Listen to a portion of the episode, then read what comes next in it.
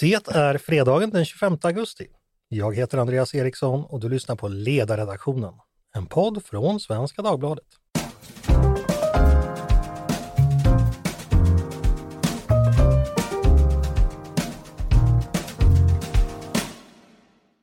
För ungefär 20 år sedan, vid den här tiden på året, på sensommaren, befann jag mig på 7-Eleven i hörnet av Humlegårdsgatan och Grev Turegatan i Stockholm. Klockan var någonstans mellan tre och fyra på morgonen. Augustinatten var redan helt ljus. Det var ganska mycket folk, typiskt efter krogen-stojigt om ni förstår vad jag menar. Man köpte fyllemat eller stod bara och hängde för att suga ut det sista ur festnatten. Jag var ensam på väg hemmet efter att ha varit ute på något ställe i närheten. Framför mig i kön stod en kvinna. Hon var i min ålder, eller kanske något äldre. Säg 25 eller 26 år. Hon var klädd för utgång men jag minns mycket lite av hennes utseende i övrigt.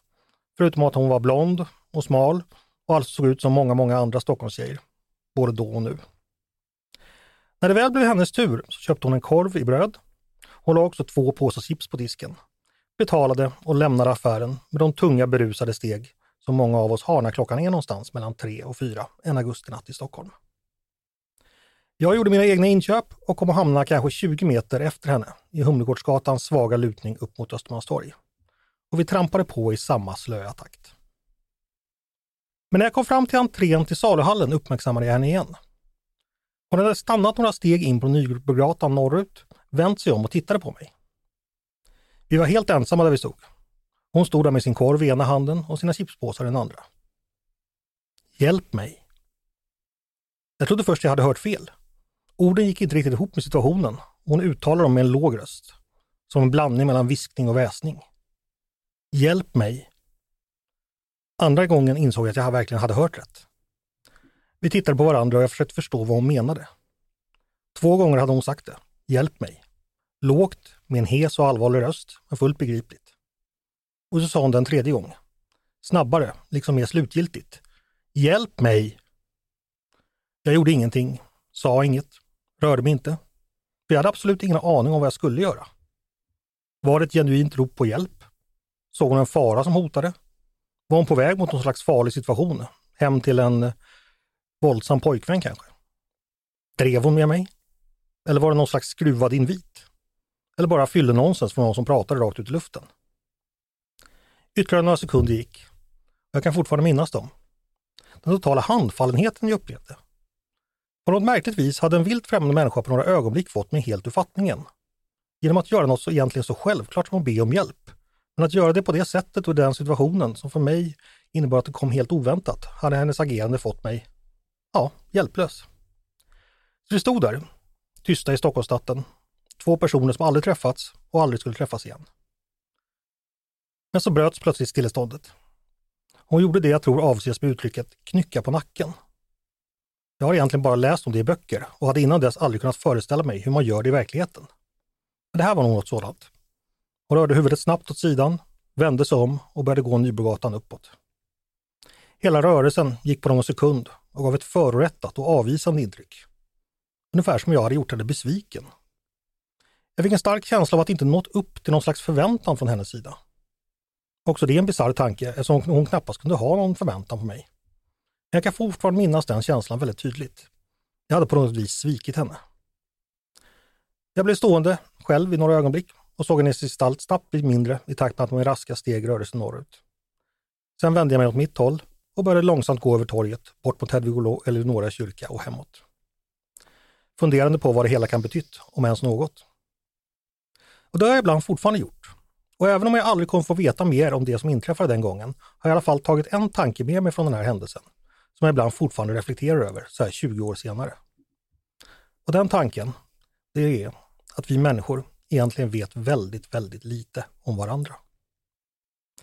Men några som jag vet en hel massa saker om, kanske lite väl mycket ibland, det är mina kollegor på Svenska Dagbladets ledarredaktion. De som ständigt lyser upp mina fredagar med sin medverkan i podden. Just idag heter de Paulina Neuding, Mattias Svensson och Tove Livendal.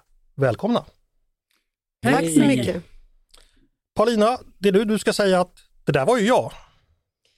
Det var faktiskt inte jag. Nej. Men eh, det där knyckandet på nacken talar ju för att du faktiskt inte lämnade någon i sticket som behövde dig. Nej, antagligen inte. Men Mm. man kan tänka på det Mm. ibland, trots allt. Hur är det med dig Paulina? Bra, tack. Mm, vad fint. Mattias, hur har din vecka varit? Jo då, den har varit eh, intensiv, eh, men eh, bra. Jag Ja. tänker mig att du skulle ha följt den där flickan och sen så skulle du gå tillbaka och sjungit Och Sara, kom ut ikväll, jag väntar i hörnet vid 7-Eleven. Hon kanske hette Sara, det vet man inte. Det gjorde hon säkert Ja. eftersom annars hade det inte funkat med sången. Du, eh, det har varit Ukrainas självständighetsdag idag i veckan. Har du uppmärksammat, uppmärksammat den? Eh, nej, jag blev ju satt på lite eh, inre tjänst här och Mm. eh, skrev om helt andra saker, så jag hann tyvärr inte eh, uppmärksamma det på något. Men Lämpligt den inre tjänsten ska vi återkomma till lite senare i podden. Tror jag. Oh ja. Tove, eh, du är tillbaka från semestern. Har vi skött oss? Jajamän. Har vi skött oss? Ja, men alldeles utmärkt. Jag hade ju kunnat fortsätta det här eh, under längre period kände jag. Det var, nej, men det var, det var väldigt trevligt. Det var ju kul att jobba större delen av sommaren med sommarvikarierna och vår eminente praktikant, men det är skönt att vara ledig lite grann också. Så mycket har du faktiskt inte varit ledig. Hur, hur länge blev det? Det var- blev några veckor bara. Mm. Och, Men det, det är riktigt gott och det är också roligt att få, få läsa tidningen utan att veta vad som skulle stå där på förhand. så har du Peter som kan täcka upp. Absolut. Det, är- det, jag, har, jag har känt mig helt lugn. Peter har varit på chefskurs i, i veckan kan jag berätta, så vi får se ifall den kursen lämnar några, några avtryck, vad det i så fall innebär. Eh, vad tror du Tove? Ja, nej, men det, vi har stora förväntningar, höga Ja. förhoppningar. Har vi säkert. Han drar nog igång med sensitivitetsövningar redan på måndag. Hörni, vi ska dra igång med veckans ämnen. De är som vanligt många och naggande goda. Vad ska vi ta först? Ska vi inte ta det här med terrorhotet, tycker ni? Det har vi grundligen behandlat i podden i veckan. Vi vet ju att Säkerhetspolisen har höjt hotnivån i landet från 3 till 4 och att statsministern har uppmanat oss att leva som vanligt men att vara vaksamma. Och justitieministern har ju sedan tidigare förklarat att Sverige gått, som man uttrycker det, från ett legitimt mål för terror till ett prioriterat. Och I veckan så har vi haft faktiskt två poddar om det här. Eh, I tisdags gästades jag av Jonas Trolle från myndigheten eh, som jobbar mot eh, våldsbejakande extremism och Magnus Ranstorp, eh, forskare vid Försvarshögskolan. Och i onsdags hade jag Magnus Norell här som också är terrorforskare. Båda de poddarna eh, tycker jag man ska lyssna på för det gav intressanta inblickar. Nu ska jag vända mig till dig Paulina, eh, för du har ju skrivit om det här i veckan. En Mm. text är redan publicerad och en annan är på gång. Ska vi börja med den som är på gång kanske? Eh, Det är ju så att firandet av fotbollslandslaget efter VM-bronset ute på stan, det blev inte av på grund av terrorhotet. Och eh, det anordnades då av, eh, eller skulle anordnas av fotbollsförbundet som numera leds av Fredrik Reinfeldt. Den omständigheten eller tillfälligheten leder till en tanke som blir en text från din sida. Vilken är den tanken? att det är en ödets ironi att eh, det här som är en konsekvens av decennier av eh, eh oförsiktig, ogenomtänkt eh, migrationspolitik till stor del eh, nu kommer tillbaka och eh, drabbar, eh, ja, det, det går ut över det här firandet. Som, Mm. det, det har ju varit en självklarhet när fotbollsspelare, fotbollslandslag kommer hem med medalj, att vi samlas till en folkfest på stan i Sverige.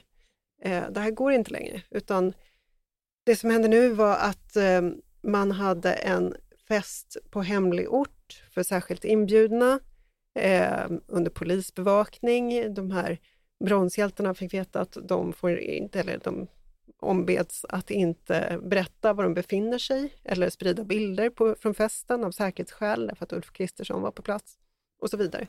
Och, och det är liksom, ibland ställs man, det, det är liksom svårt att prata om stora samhällsförändringar, men ibland så ställs man inför att här har faktiskt någonting förändrats. Här har vi haft en nedgång i vårt samhälle. Det som förut var självklart, det går inte längre. Därför att vi har det här jihadistiska hotet. Var kommer Reinfeldt in? Reinfeldt kommer in i att han bedrev en politik eh, för, som en, han hade en väldigt dogmatisk syn på migrationen som partiledare och statsminister. Och det, nu är det liksom, när, när man läser citat från, från honom och hans ministrar från, från den tiden, eller liksom läser om eh, hur det gick och hur det var, så, så är det som ett fönster in i en helt annan värld. Eh, men var, den, den dogmatismen stod man för då och den har fått katastrofala konsekvenser. Är Reinfeldt ansvarig för att vi har ett terrorhot idag? Nej, Eller på, ja, nej, men, delvis men ansvarig. det, det, Alltså, blir- det blir så här en vulgär tolkning, men eh, det är klart att så här, den migrationspolitik vi har haft har lett fram till en situation där vi är mycket mer sårbara för tändande gnistor av typen koranbränningar. För att det finns fler muslimer i Sverige, eller fler islamister i Sverige. För att det finns fler islamister ja. Mm. eh, och, och, som har kommit hit under de senaste decennierna Mm. huvudsakligen. Eh, och det är, alltså, det blir en vulgär tolkning att säga att det är Fredrik Reinfeldts fel att det är på det här sättet. Men Fredrik Reinfeldt var en av våra absolut mest migrations, eh, jag vill inte säga migrationsvänliga för det blir fel uttryck, men han, han var dogmatisk kring migrationen på ett sätt som idag är svårt att föreställa sig ens en gång. Men det var ju fler som var och alla Mm. ändrade ju sig 2015. Eh, och många var det ju det, inte för att de genuint brydde sig om invandrare eller invandring, det var ju för att det var politiskt korrekt på den tiden. Nu är det politiskt korrekt för någonting annat. Och då, Så var det säkert, men eh, alltså eh, Fredrik Reinfeldt eh, 2016 så, så ironiserade han kring föreställningen att, vi, att våra system faktiskt inte klarade av den här migrationen och de Mm. avseende på ökande brottslighet i förorterna och ökande radika, radikalism förstås. Och då sa han det här famösa brandgranen. Alltså det, det är en typ av liksom, eh, han stod för en misstänkliggöranden och till och med en mobbarattityd gentemot dem som tyckte någonting annat. Mm. Och nu står vi med resultatet. Okej.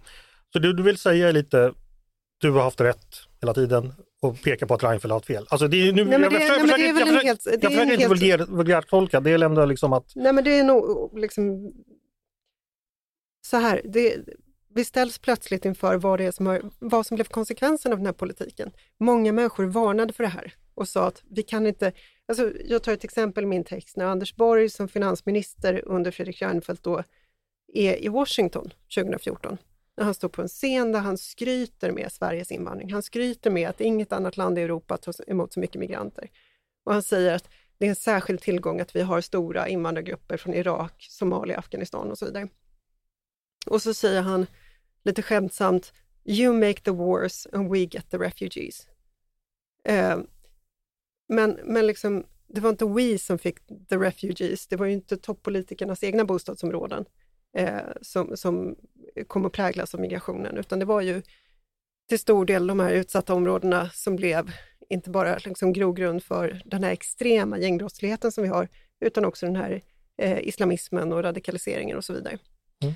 Eh, så det, det var med ett enormt lättsinne som man gav sig in i det här projektet. Man skröt med att vi var extrema i Europa och tyckte någon någonting annat så var den personen dum och rasist Mm. och så vidare.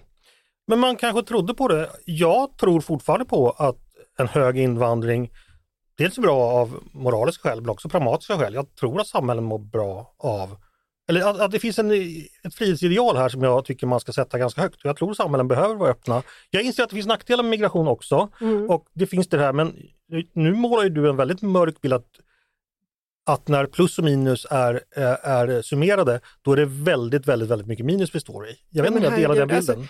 När vi pratar om frihet, kan vi inte prata om friheten att sitta med hörlurar på tunnelbanan? Mm. Eh, alltså, vi, vi har en så extrem situation i Sverige nu. På mycket kort tid så har vi som sagt blivit ett prioriterat mål för terrorism. Eh, vi har de här, som Expressens ledarsida eh, påpekade mycket riktigt i veckan, att vi har ju en ständigt pågående terror med de här bombdåden och skjutningarna i offentligheten som gängen står för, som också springer ur, det är, liksom, det är också en problematik som springer ur, ur eh, de här utanförskapsområdena huvudsakligen. Mm. Eh, det, det är liksom en sensationell samhällelig nedgång. Men är och, det det, är, och jag menar, frihet, vems, vems frihet pratar vi om då? Ja, men jag håller med om att det är en inskränkning, men jag menar att anledningen till att vi har islamism i Sverige och sådär, det är inte migrationens fel. Det är ju liksom att vi har vräkt bidrag över islamistiska föreningar, att vi inte liksom har tagit på allvar hotet från början, att det har funnits liksom en rädsla för att prata om det, precis som man inte kunde prata om hedersvåld. Att det har funnits massa liksom politisk korrekthet och massa charlataner som har varit ute. Jag tror man kan, det går gott och väl att förena en hög migration utan att behöva liksom få att farliga eh, och giftiga ideologier sprider sig i landet. Det tänker jag. Jag tror att man sätter väldigt mycket hopp till integrationssatsningar Ja. som, som man inte har en aning om ifall de funkar.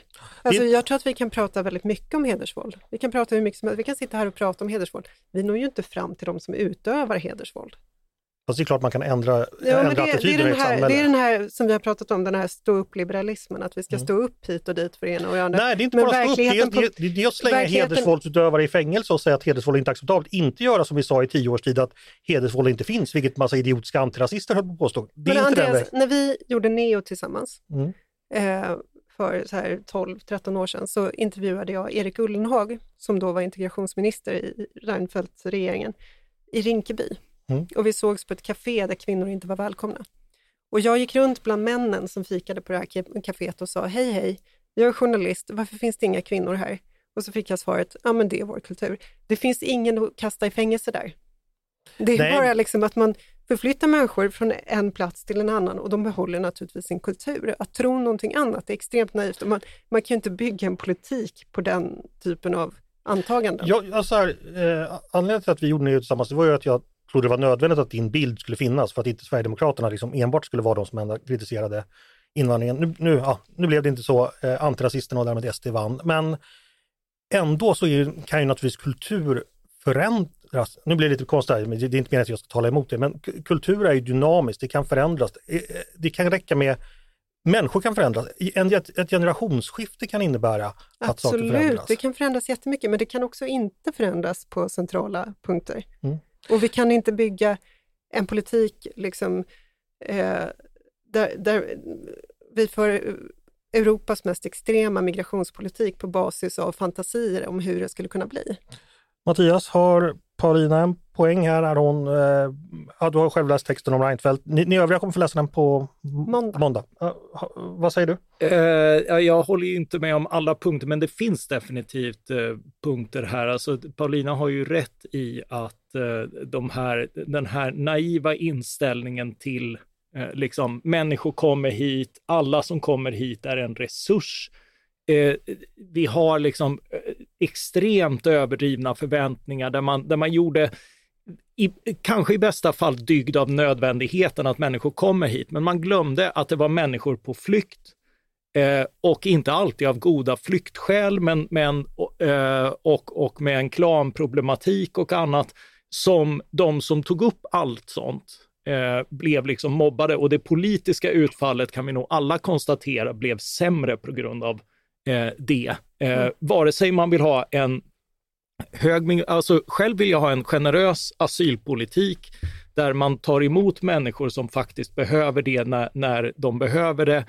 Inte asyl åt alla eller åt alla som söker eller sådär, för det är omöjligt. Det är en undantagslagstiftning som alltid måste bero på, det har vi ju påminns om nu, att det måste bero på hur mycket ett land klarar av att ta emot. Eh, och vilka som kommer, hur pass långt de är från arbetsmarknad, samhällsliv och så vidare. Det blir svårare när man är långt bort och det ser vi i, dem, i, i mycket av de klyftor som är nu. Samtidigt så ska man ju komma ihåg att hela det här Terrorn fanns tidigare. Terrorhotet beror väldigt mycket på policybeslut fattade i väst, inklusive av Sverige. Kriget mot terrorismen, invasionen av Irak, det har gjort oss enormt mycket mer sårbara för det här. Vårt eh, beslut att delta i Afghanistan är den uppgivna anledningen till båda de terrordåden vi har haft.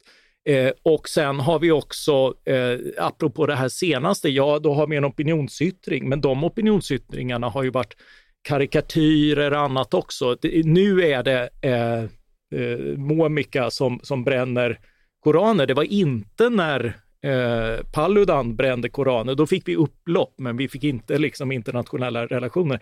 Så det, det, det är liksom ändå ett par ganska många steg för att koppla det här till, till migrationen och väldigt många av de som nu är hotade väldigt många av de som nu drabbas av brottsligheten, det är ju de här människorna som har fått en fristad. De har ju råkat ut för något av det största sveket, för om något är riskerna större för dem. Ja, men det får jag där är ju självklart. Eh, Mattias, om vi ska bara få ut en poäng av det här. Ja. Du säger att det är många steg till migrationen. Arbetar Paulina med lite för stora byggstenar här tycker du? Och Eh, drar- ja, jag, jag, jag tycker det blir, eh, det blir lite för långtgående, men det tycker ju Paulina också. Det är en Ja. komplex fråga, men, men det, det är ju bra att Paulina borrar i dem, för det är Paulina, komplext. replik? Nej, men det, man måste ju vara väldigt mycket ideolog för att inte se att en stor migration av människor från länder där det finns en betydande fanatism inte skapar, eh, inte, att man inte för med sig en, en sån fanatism hit. Sen så har ju Mattias helt rätt. Det här drabbar ju eh, människor som bor i de här områdena. Så vi har ju haft de här förortsfeministerna som har larmat nu i decennier om fanatiker som går runt och bestämmer att man får inte ha kort kjol och man får inte det ena och det andra. Precis Eh, det man flydde ifrån Ja, själv. precis. Så att, eh, men, men det är klart att migrationen har ju varit en, en förutsättning för allt det här. Och, och jag menar, det är bara att se sig, se sig omkring i Europa, de länderna som har haft en större migration har också ett större problem med det här, därför att det finns en andel i de här migrantgrupperna som har de här åsikterna. Och, som, och de här åsikterna försvinner inte för att vi sitter här i den här podden och säger att åsikterna är dumma. Sen det här med tändande gnistor, alltså vad som helst kan bli en tändande gnista. Alltså LVU är ju också ett sånt här tecken på ett uttryck för vår naivitet. Alltså, jag vet inte hur många samtal jag har suttit som har handlat om just det här, när man säger liksom, det kommer ju hit människor med helt andra värderingar än vad vi har. Och ofta får man då svaret, ja men alltså ytterst så kan vi ju liksom, är det så att folk med heders eh, förtrycker sina familjer, då kan vi alltid omhänderta barnen. Eller är det så att folk sympatiserar med IS, då kan vi omhänderta barnen. Alltså det har, det har funnits en sån tanke i Sverige, jag är helt övertygad om. Och sen så blir man nu förvånad över att ja, men människor tycker inte om när deras barn blir omhändertagna. Och de, de, de blir faktiskt väldigt arga när de blir det. Eh, och jag menar, det, det finns hur mycket som helst. Om, om, du är, om du har de här uppfattningarna, de här väldigt radikala uppfattningarna, då finns det väldigt mycket i det svenska samhället som kan få dig att känna att Sverige är dåligt. Alltså, de har sexualundervisning i skolan, nej, nej, Sverige är inte bra. De har LVU-situationen, nej, nej, Sverige är inte bra. Alltså, det finns tusen anledningar. Det kommer alltid i ett fritt samhälle finnas en tändande gnista. Nu släpper vi in Tove. Vad tycker du? Ja, eh, vill du att jag ska slita tvist? Du får göra som du vill. Du kan gjuta olja på vågorna eller du kan hälla bensin på elden. Som, Mm. att- Nej, men jag, ja. jag tycker att både Paulina och Mattias anför saker som är relevanta här. Det Ja, jag har faktiskt också ansvarat saker här för, för ovanlighetens skull. Ja, Men det okej kanske inte var så och även relevant. du Andreas. Absolut. Eh, om vi går till Paulinas text, det som jag tycker kan vara viktigt att ta med sig för de som kommer att läsa den och som befinner sig i någon form av som, inflytande position. Och det kan man ju vara till exempel om man ägnar sig åt politik eller om man finns i journalistik. Så är det ju där med faran med att man upprätthåller tabun i samtalet om vad man får tycka och tänka och diskutera och sådär. Och det är ju, det är ju ett av problemen, att det, det under så lång tid rådde tabu. Vad får man prata om? Och det var liksom saker vi inte skulle tala om och då blir det svårt att, att dissekera och diskutera hur man hanterar det. Och där är väl då just nämnda Fredrik Reinfeldt exempel på att kanske inte haft den mest ödmjuka inställningen till människor som kom till en annan politisk slutsats, utan det var en raljant ton ofta. Eh, det var fler exempel än granen, liksom, men, och det, det tror jag är det, det skulle jag säga är, är vårdslöst att hantera sin makt på det sättet, att man på något sätt försöker förstå att här ska vi inte prata om det här. Eh, det kommer att ställa till det för, för eh, vår förmåga att hantera saker. Sen är det ju, jag menar, det finns ju alltid flera bilder. Jag menar, absolut, jag kan argumentera för att Sverige har ett problem med invandringen åt det andra hållet. Vi har alldeles för lite fokus på liksom att eh, hitta, identifiera och rekrytera hit talanger som vi behöver för att kunna utveckla vårt land. Och där riskerar det ju, när vi nu har satt oss i den här situationen, så blir liksom, vi måste minska invandringen. Det blir också väldigt så här, entonigt budskap för att det finns viss invandring som vi verkligen behöver och som vi skulle behöva bli bättre på. Ehm, men, eh, men eh, här finns ju ja, det, fin- det finns, det tog ganska lång tid innan vi släppte den här tanken att de som kommer hit nog egentligen vill bli som vi. eh, för det, så, så var liksom tanken. Eh, och eh, lite chockerat sådär, för att det, det hänger ju också ihop med vårt sätt att se på oss själva och vårt land, att man kan liksom inte föreställa sig att någon annan skulle vilja bli på något annat sätt eller vara på något annat sätt än den svenska. Men, eh, och det är klart att bland de som kommer så finns det de som vill upprätthålla sin kultur och det finns de som kommer hit för att de vill undkomma den kultur de växte upp i. Mm. Paulina?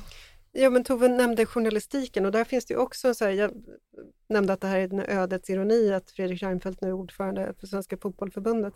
Alltså under hans, eh, ni minns, vi minns ju de här kaotiska första dagarna med Reinfeldt-regeringen 2006, när två ministrar fick sluta eh, inom loppet av två veckor eh, efter en medial eh, häxjakt. Eh, och det, den typen av så kallat ansvarsutkrävande, det, det klarar medierna av. Liksom, obetald tv-licens, det kan vi paketera, det, det är sånt som gör att liksom, journalister går igång och så går liksom, jaktinstinkten igång och sådär. Men för större misslyckanden, för, för liksom stora politiska misslyckanden, har man en förmåga att utkräva ansvar. Och då menar jag, liksom, finns det inte skäl att ringa upp den här ordföranden för Svenska Fotbollförbundet och säga så här, du, har du tänkt på det här att man nu måste hålla den här festen på hemlig ort med polisbevakning, vilket man inte behövde förr. Har du liksom funderat över hur din mm. egen politik spelade in för det här? Det, det, den instinkten finns inte, eller den impulsen finns inte på redaktionerna, mm. därför att det är ett mycket mer komplicerat ansvarsutkrävande. Jag vill säga en sak om Reinfeldt. Eh, han skulle ju lägga en stoppboll då naturligtvis, för han fick den frågan, eh, för han vill ju inte prata om, om sin tid som statsminister, det har ju mm. deklarerat så länge det finns ju en lite här, Reinfeldt är ju liksom fastfrusen i tiden 2014. Mm.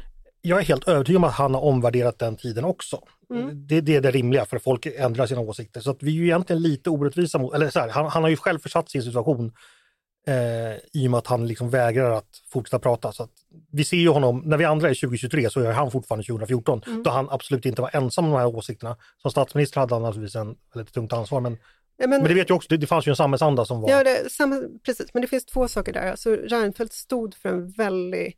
Eh, det, det, var inte ett öppet ledarskap i den frågan, utan var, var det någon som avvek från den här eh, extrema migrationslinjen så, så, fick de en uppsträckning direkt av, av Reinfeldt, alltså internt inom Moderaterna.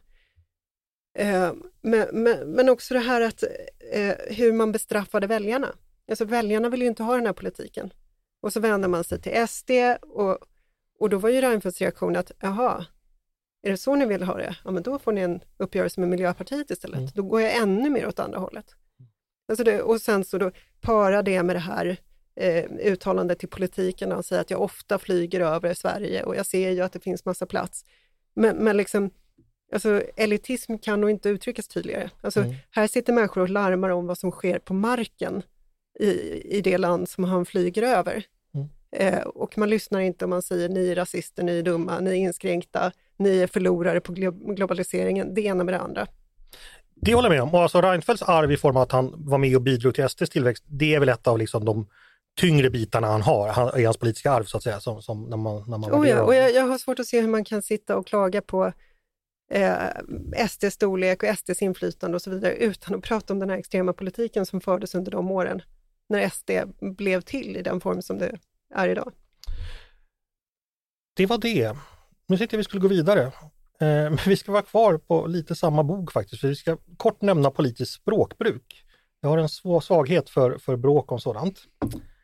Eh, för för veckan försökte ju vice statsminister Ebba Busch mycket försåtligt och listigt smyga in en hundvissla i sitt sommartal. Närmare bestämt ordet oikofobi, eller oikofober.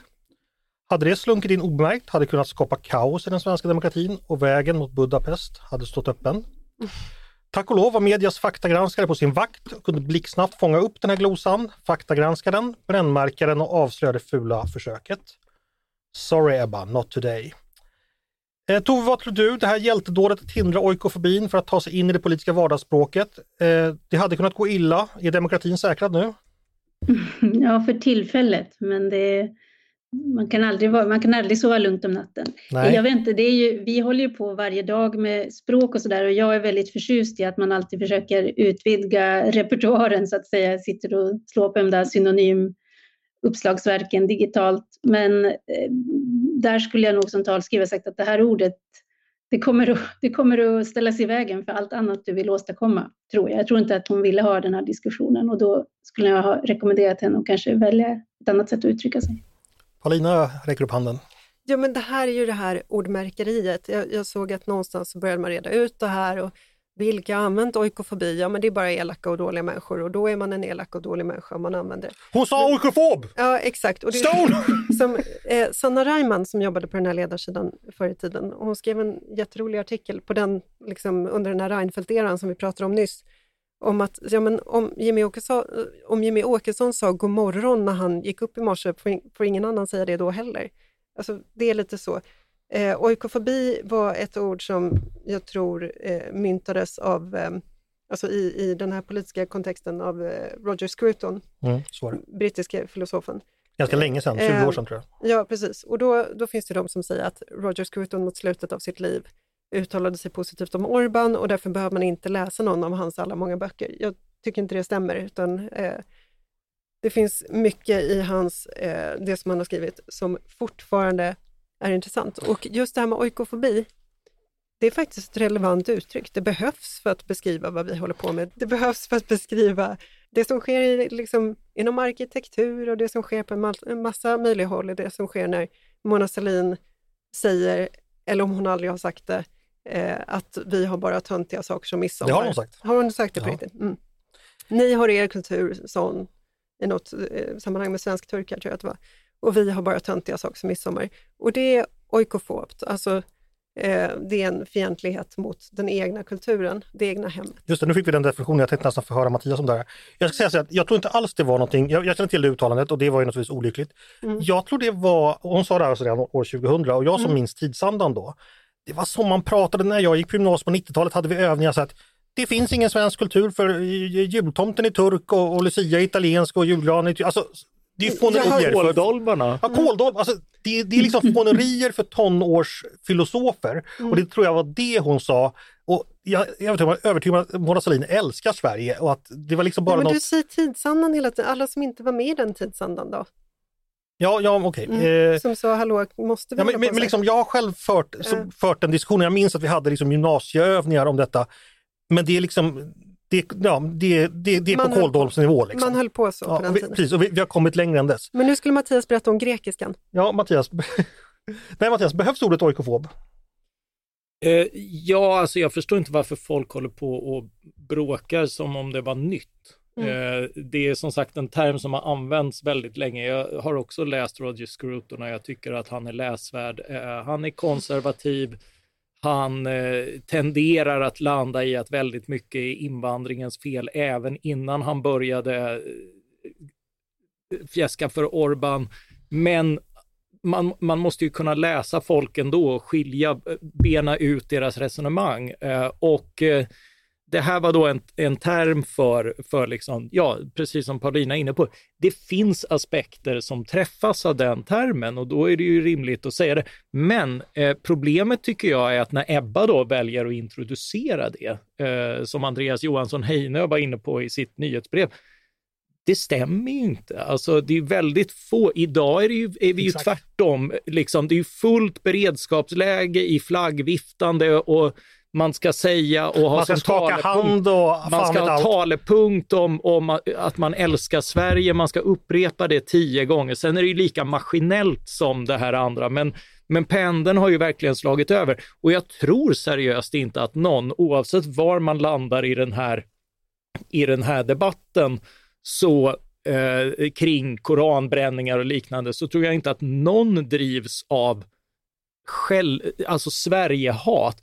De, de som verkligen vill genomdriva liksom att vi ska bara förbjuda för att, för att vi tål inte att man förolämpar islam. Där är ju problemet att de inte betraktar Sverige som sitt hem. Uh, det, det, det är ju liksom, så, så är, är relevansen verkligen hemhat där eller är det att man inte, att man inte känner sig tillräckligt hemma här? Det är ju en spekulation i motiv och det är ju alltid vanskligt, men, men jag, jag tror verkligen inte att det är speciellt relevant term i den diskussionen. Hörrni, jag ska inte göra er oroliga, men Aftonbladets kulturredaktion har byggt ett väldigt stort berg av ris utanför med fyra pålar. Så att, eh, ja, Mm. om, om vi pratar mer om den här mannen vi inte nämner, den brittiska filosofen, vi, vi, vi nämner inte hans namn. Roger Skrotum. Ja, men fan.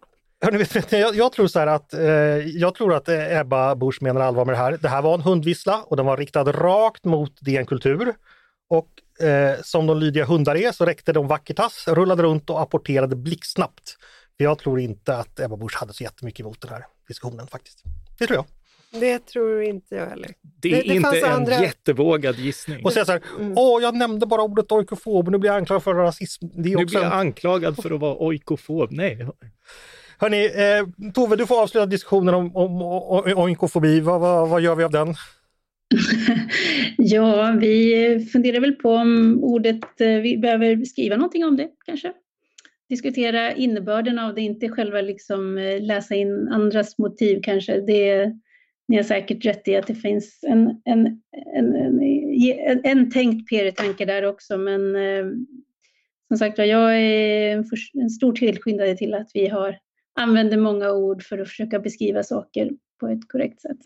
Paulina, du får använda några få ord till att avsluta. Nej, men jag, jag tänker på att det här som du nämnde om tidsandan, att man skulle förminska Sverige och hålla på. Alltså, det, det har alltid varit en sanning med modifikation. Alltså, det har ju varit mer av en pås, det här med att prata om att åh, det var så osvenskt och så trevligt. Och Fredrik Lindström gör den poängen också att det, det är ingen som säger så åh, det var en sån osvensk bro vi åkte över.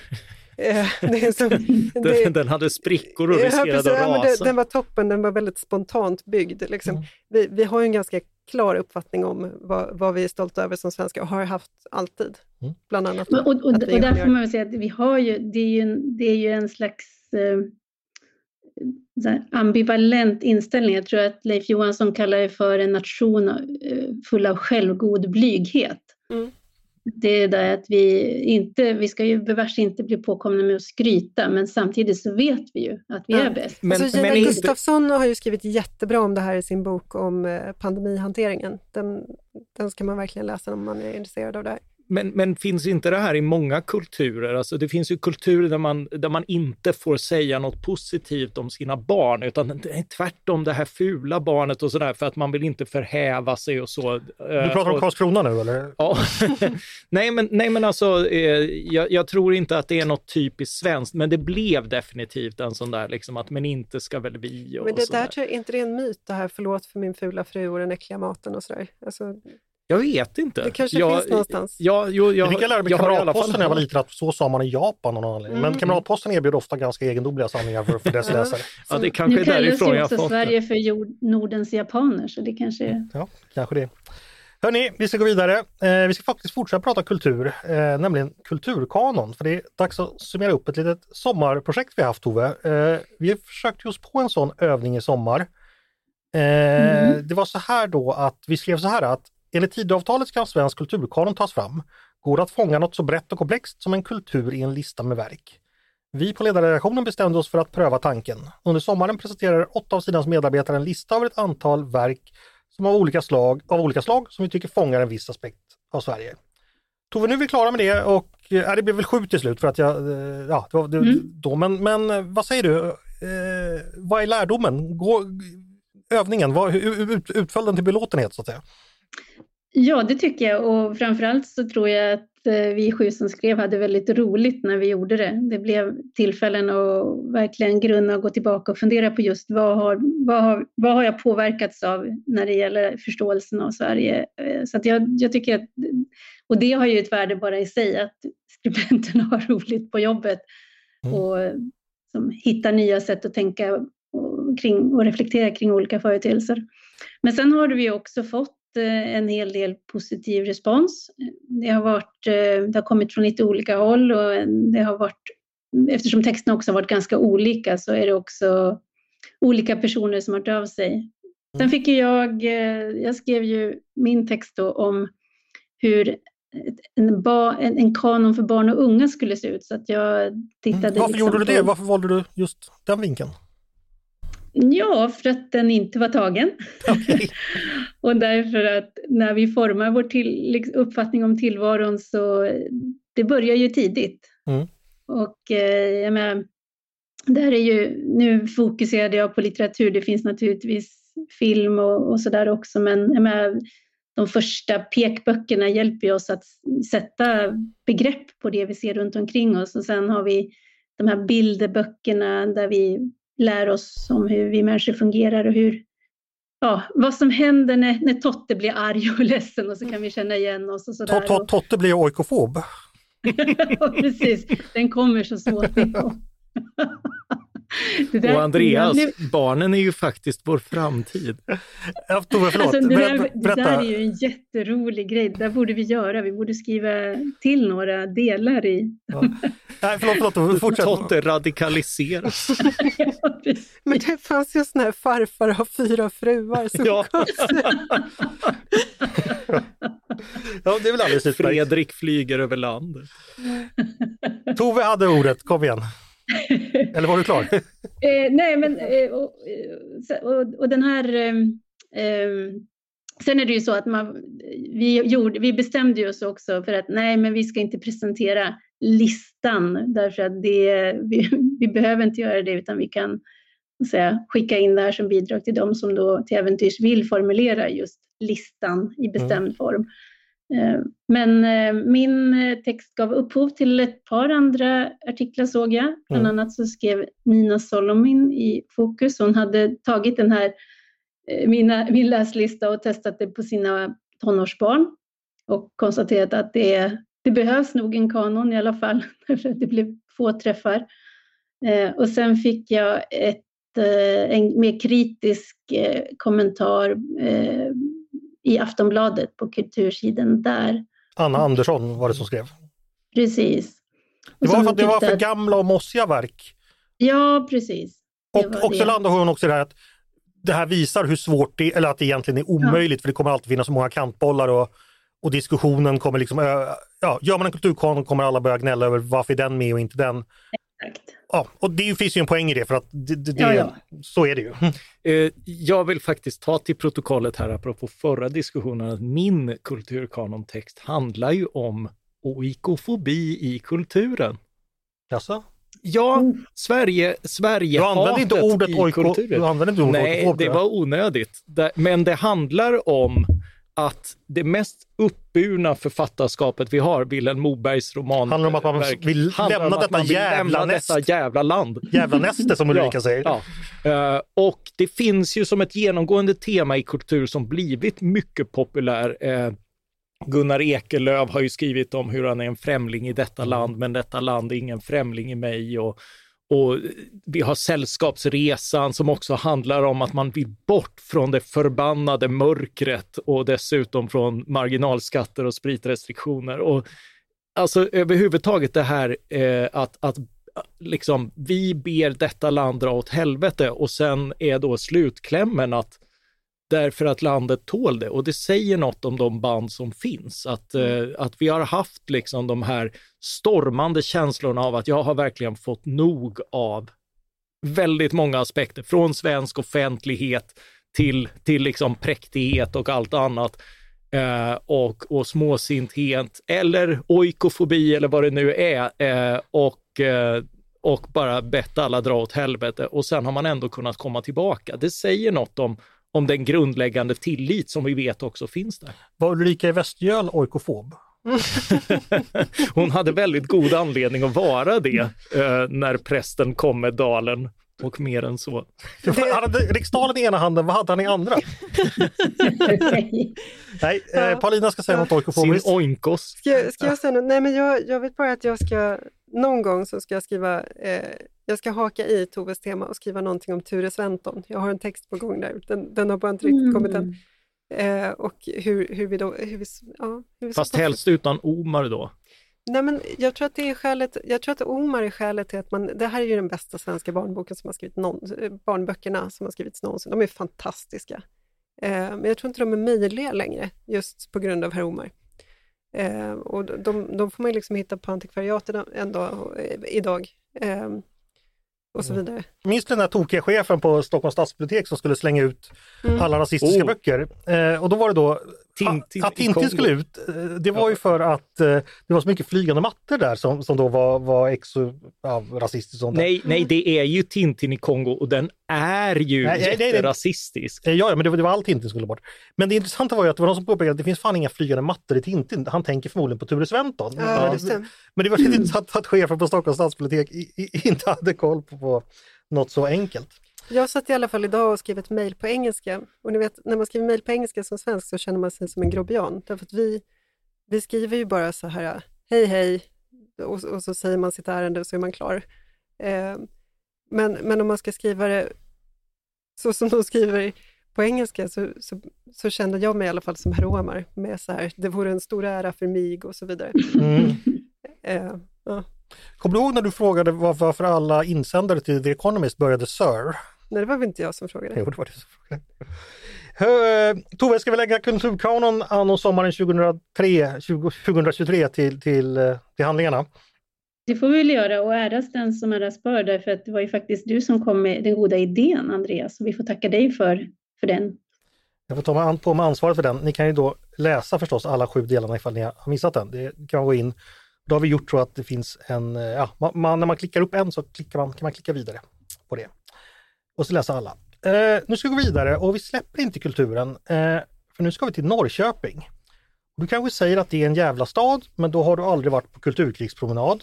Eh, det började i veckan på, på DN Kultur med ett angrepp där stadens styre eh, befanns vara såväl, såväl nyliberalt som nyfascistiskt eftersom man ändrat i den kommunala kulturpolitiken. Då förstår ni att det handlar om omfattande utrensningar, nattliga bortföranden, bokbål, avrättningar utan rättegång och så vidare. Nej, det gjorde det inte. Det handlar om att även kultur och fritidsnämnden ska omfattas av samma effektiviseringskrav som övrig kommunal verksamhet. Eh, Stefan Jonsson var författare till detta. Mattias, berätta, du kan Norrköping och du kan läsa en kommunal budget. Vad handlar det om? Ja, det handlar om att jag hatar Sverige igen. I alla fall det, det svenska kulturlivet. Eh, eller inte kulturlivet ska sägas, nu, nu kommer martyrerna att slänga sig framför bussen här. Åh, vad menar du? Eh, nej, det här kotteriet som tycker på kultursidorna därför att det är så förbannat konformt och förutsägbart. Eh, och, och eh, dels att en sån som Stefan Jonsson skriver där, det kan väl pigga upp med, med en marxistisk professor som eh, tar i så han skiter ja, ner men, sig. Men, höjde Mattias, Inget, ja. han hade fel, varför? Eh, ja, var börjar vi? Alltså, det här, det här handlar om, eh, det här beskrivs då Mm. Eh, som att eh, DN skriver till och med i jag, sin... Jag kan sammanfatta, för Björn Wiman i DN Kultur skrev så här. Eh, att eh, den kultursyn som kommer i dagen tycks styrd av två toxiska trossatser. 1. All kultur bör vara lönsam eller gå i nationell riktning. 2. Den, som, den kultur som inte ingår under ett, alltså är lönsam eller går i nationell riktning, bör läggas ner. Det är ju anklagelsepunkten. Det är den sann? Eh, det är små lögner jämfört med de eh, Stefan Jonsson skrivit och som Wiman publicerat, vilket är väldigt skamligt att man inte ens korrigerar. De, de skriver alltså bokstavligt i, förvisso i ingressen, att kulturen försvinner i Norrköping. Mm. Eh, den, den ska bort i sin helhet. Eh, och, och då bygger man ju på dels föreställningen om att alla bidrag kommer att dras in eh, och då tror man att all kultur försvinner. Båda två är föreställningar som är totalt vettlösa. Eh, men eh, där, därför att det finns absolut inga sådana förslag. Eh, det som finns är att man Dels har man ett stort konferens och konsertcenter, Louise De Geer, som... Eh, Louis? Ja, whatever. Ja. King Louis. Och eh, det vill man kolla över. Kan vi, kan vi använda det här effektivare? Kan, eh, kan fler komma in än, än symfoniorkestern som är där? Eh, och man har också gått igenom kontrakt och bidrag och sånt där liksom, och då synliggjort att eh, nej men, eh, det här innebär en, en subvention på 15 miljoner som vi skulle vilja dela från Norrköpings kommuns sida med andra finansiärer, det vill säga regionen och Linköping. Det handlar inte ens om att dra ner dem, utan om att, om att liksom synliggöra för att kunna förhandla om. Mm. Uh, och det här och ett önskemål om att uh, går, går det att få in Går det att få de som faktiskt nyttjar och, och tar del av kulturupplevelserna, går det att få, få dem att betala mer? Det är ofta människor med ganska, ganska gott om pengar och ändå är det väldigt billigt medan skattebetalarna hostar upp ungefär 2000 per biljett.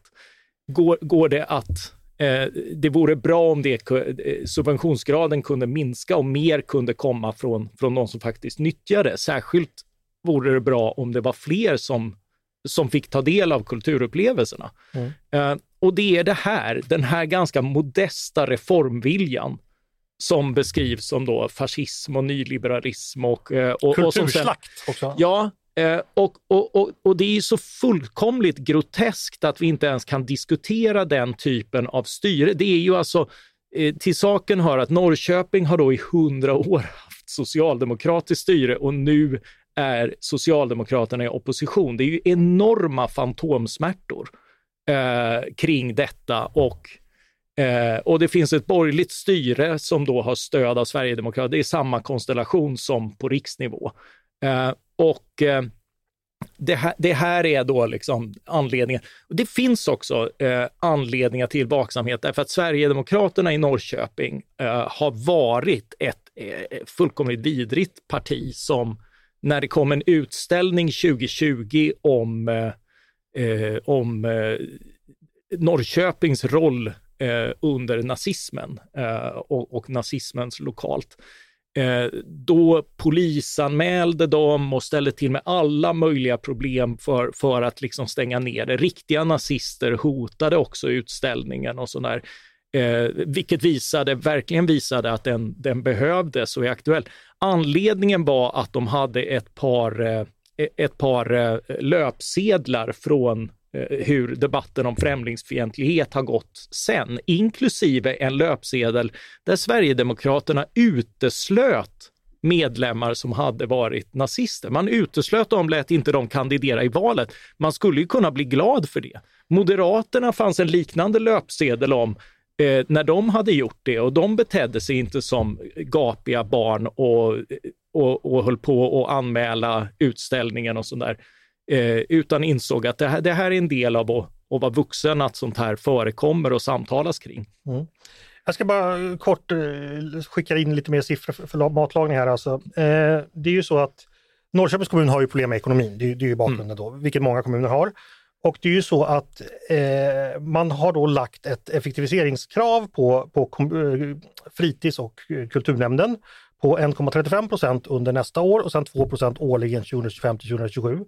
Eh, det kan ju låta lite, men den här typen av hyvlande på en kommunal verksamhet, det, ja, de får, det blir mindre effektivisering finns där. Så det, Ja. det är sant, det, Ja. det, ska vi säga. Eh, och, och, eh, och det är väl också, det är väl också rätt rimligt och jag tycker att eh, det är ju också en annan del i ska, eh, att, att eh, eh, Sofia Jarl som då är kommunalrådet har ju då i en artikel argumenterat för att det är rimligt att att just kulturen får spara i ljuset av att man vill så långt som möjligt kunna värna eh, alltså vård, skola, omsorg, biten. Men de lägger ju samma effektiviseringskrav på alla nämnder, så att det är ju inte så att kommun, kulturen sparar mer.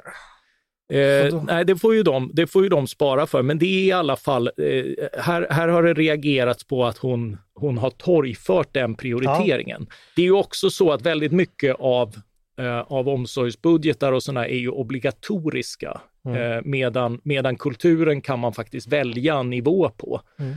Eh, och eh, och och eh, det där är klart det är kännbart, men, men det är också en, ett väldigt laborerande, det, det handlar ju alltså inte om någon enorm slakt, en helt annan typ av verksamhet eller eh, det, det, har, det har liksom, alltså alla de här, det blir så svårt att diskutera sånt i, i ljuset av de Mm. enorma överdrifter det är. Vi ska få lite mer siffror, för nu tittar jag då på, på fritids och kulturnämnden då. Det, det är alltså, det heter Kultur och fritidsnämnden. Mm. Heter det. Eh, som då, i, år så hade den drygt 400 miljoner i budget. Ja, 428 tror jag. Eh, det är nästa år. Eh, 411 i år. Vilket då utgör ungefär 4,25 procent av kommunens totala kostnadsmassa. 4,25 Och om man då tar genomsnitt för dem eh, 2024 till 2027 så kommer eh, kulturen, eh, kultur och fritid ha i genomsnitt 4,14 procent av den totala kostnadsmassan. Det vill säga då att det är 0,1 procentenhet eller om man tar i procent, räknar procent, 2,43 procent kommer kommunen, eller kommer kultur och fritid minska i förhållande till totala kostnadsmassan. Alltså en liten minskning men men 2,43 procent kanske inte är en slakt då. Eh, nej, det, nej, det, är, det är svårt att få det dit. Det är ju en brutalisering av samtalet eh, att, eh, att, att liksom beskriva det i sådana termer. Sen kommer det att bli kännbart, inklusive att eh, inflationen förstås äter på det här. Så det, för, det säga, ja, ja, för kulturbudgeten i absoluta pengar kommer ju stiga från 411 miljoner till 456 miljoner.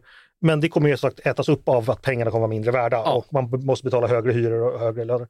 Men det är ju också, också att i den här budgeten, för bortsett från effektiviseringskravet, så finns ju faktiskt eh, att man lägger in extra pengar nästa år just på grund av inflationen. Inte bara i kulturbudgeten men, men på andra håll också. Men, men ja, och det är också så att kulturen får pengar från regionen och, och från kommunala samarbetsprojekt. Så väldigt mycket, inklusive den här symfoniorkestern det handlat väldigt mycket om, får, mm. ju, får ju mer pengar än, än den här budgeten. Men nu är vi töllepaktig borgerlighet som bara sitter framför våra Excel-ark. Eh, men, men, vad jag tycker är intressant, för det finns ju diskussion här, jag tror till och med det var någon artikel där det hävdades att kulturbudgeten i, i Norrköping var 40 miljoner. Ja. Vilket då om man kan kommunal ekonomi så reagerar man kanske på den siffran, för den låter ganska låg. Eh... Ja, och det var en poäng också. Ni kan ju inte spara här för det här är så lite. Mm. Det var ju Torbjörn Elensky i, i vår tidning och jag tycker det är så talande för han bullrade då på om att nu skulle alla stå upp för den bildade borgerligheten och stå upp för kulturen minsann och sådär. Eh, och då är det första man gör att inte kunna räkna så att ja, 40 miljoner eller 400 miljoner, varför inte 40 000 miljarder? Jag kommer ändå att höja för jag vill mer och är godare. Eh, så, så det där spelar ingen roll och, och, alla som har delat har ju delat för att de vill visa att de är minsann bildade och förträffliga och inte som de här eh, elaka, känslokalla moderaterna som då tillskrivs en massa personliga egenskaper. Det är mycket av en nedsabling av, av Sofia Jarl då som är, mm. eh, som är kommunalråd. Eh, och, och, och det är ju talande i sig, men det är också det här, det handlar ju också om kan verkligen inte du som värderar kulturen så mycket, som vill stå upp för kulturen, eh, kan du inte betala lite mer? Och svaret är, det kan de ju faktiskt, för det är väldigt många som har blivit prenumeranter på Svenska Dagbladet för att de velat stå upp på kulturen. Så ska man göra och så ska man göra i kommunen också. Låt människor som vill betala för kulturen betala mer. Så står man upp för kulturen. Mycket klokt Mattias. Jag ska bara lära er, det här har inte med bildning att göra, men det kan vara bra att komma ihåg när man tänker kommunala pengar. En genomsnittlig invånare i en kommun drar in ungefär 50 000 kronor i skatteintäkter. Eh, det skiljer uppenbarligen jättemycket mellan landet, men, det är snittet. Man kan tänka sig att Norrköping ligger hyggligt i snittet. Och då vet man ju, ja, det, det har ju inte heller med bildning att göra, men Norrköping har ungefär 150 000 invånare, vilket gör att man landar på skatteintäkt på ungefär 7 miljarder. Eh, och sen tillkommer ganska mycket pengar från utjämningssystem och stat. Eh, ja, så, så med, med hjälp av de här liksom, lite tumreglerna kan man gissa då på att Norrköping ungefär har en kostnadsmassa på 10 miljarder ungefär. Så man tänka, vad är 40 miljoner av 10 miljarder? Ja, det är ju inte så mycket, det är ju, ju 0,4 procent. Är det rimligt att kulturen får så lite? Och då inser man, nej, på det här sättet kan man liksom... Det vore nyliberalt om man gick ner till den nivån, så ja. mycket kan vi säga. Ja, det är bara ett tips hur man ska tänka så man slipper eh, tänka fel om detta. Men jag har säkert avslöjat min, min, min brist på bildning bara genom att nämna siffror. Ja, mycket ska man läsa men tydligen inte kommunala budgetar. Mm. Hörni, det är dags att gå vidare. Eh, det är dags för mitt favoritmoment, det Oj. som heter Svar direkt. Då vi stresstestar våra ledarskribenters politiska reflexer och förmåga att blixtsnabbt skilja gott från ont och sant från falskt. Det går helt enkelt till så att jag likt en frispark från Jonas Stern siktar in mig på Roger Ljungs panna och han möter perfekt och nickar upp i krysset. Och nicka upp i krysset ska ni också göra.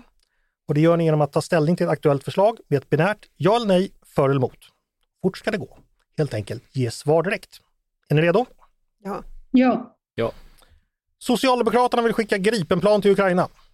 Nej, det vill de inte, även om en del tidningar lurar sig att skriva det.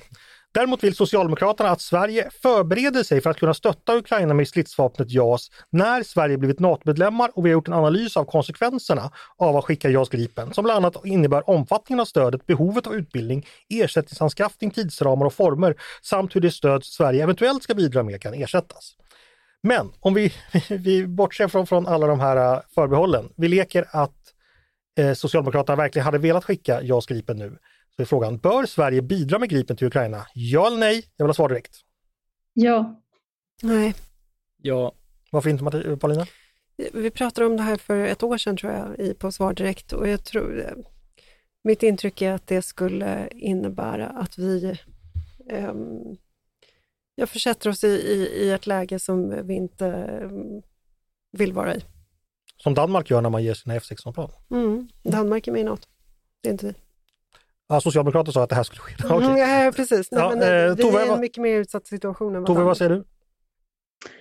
Ja, alltså nu, nu tror jag också att Moderaterna skickade samma signal. De kände sig nödgade att gå fram med det, så att just nu så ligger de väl ganska nära varandra. Men det handlar ju om att konsekvenserna av att Ukraina skulle förlora kommer att, ja, det utsätter oss för verklig fara. Så att det är, vi väger ju olika faror mot varandra mm. i det här läget. Okej. Tack för det. Det var faktiskt den enda svar direkt jag hade eh, idag. Varför, varför flinar du Mattias? Jag noterar att du inte ville höra min militära expertis. Hörrni, vi ska gå vidare, för det har blivit dags för mitt favoritmoment. Det är det som vi kallar Är du smartare än en ledarskribent? Oj, oj. Ni känner vid det här laget till momentet, men för nytillkomna lyssnare ska jag kort förklara vad det går ut på. Det handlar om en avslappnad frågesport som avslutar arbetsveckan, som vilket pubquiz som helst.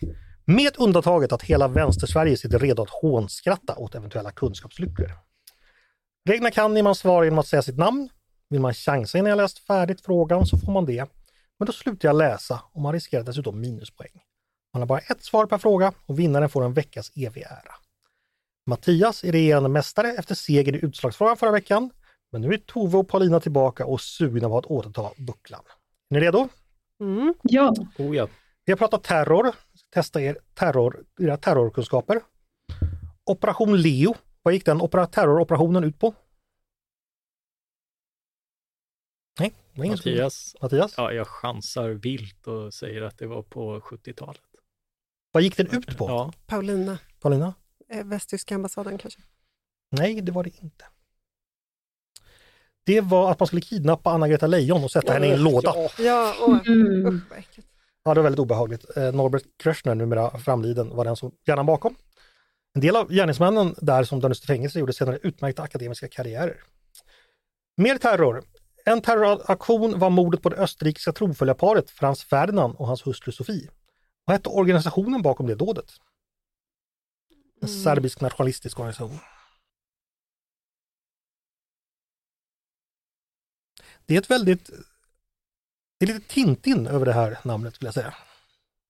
Mm. Det är inte namn... Ja, oh, fan. Jag har chansen på det. Eh, nej, alltså... Eh, jag tänkte på han som gjorde det som heter Princip. Ja, det hette han.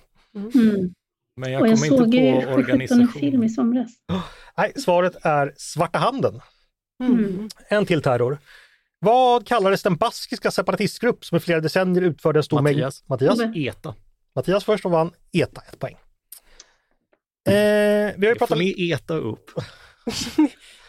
ja, roligt att du Hörrni, nu, blir, nu blir det verklig bildning. Nu vill jag ha en bildad borgerlighet som anmäler sig. Vi har ju pratat litteraturkanon och vi har ju också kort pratat krig i Ukraina. Jag blir nyfiken på vad ni kan om litteratur och krig. Jag nämner ett skönlitterärt verk och ni säger vilket krig verket utspelar sig under. Förstår ni?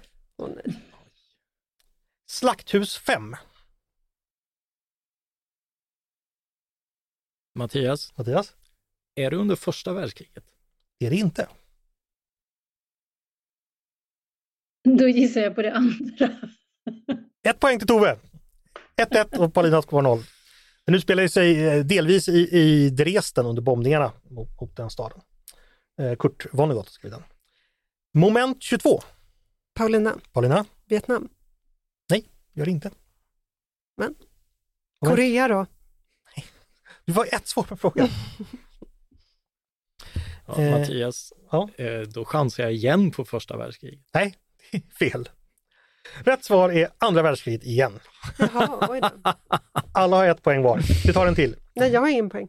Nej, det har du inte. Nej. Jag, jag, var, jag trodde du kunde det här. Jag sitter här med dumstruten ja, på. Noll poäng. Mm. Det här då? Klockan klämtar för dig. Paulina. Paulina.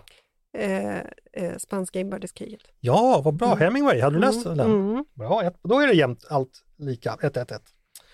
Den här då? Krig och fred. Um. Mattias? Mattias? Är det Krimkriget? Nej, det är det inte. War, what is it good for? Nej, det var ingen sekund i det. Det utspelas under Napoleonkrigen när Napoleon eh, angriper Ryssland. 1-1-1 alltså. Eh, vi har pratat om Norrköping, men det kan vi inte ta några frågor om för då får Mattias för stort försprång. Därför några frågor om Söderköping. Då söker jag en politiker från Söderköping som 1995 skrev en bok tillsammans med bland andra Fredrik Reinfeldt och Per Schlingmann. Vem är det? Boken hette Stenen i handen på den starke. Författarinnan, Mm. eh, ja, eh, en moderat politiker. Vad heter hon?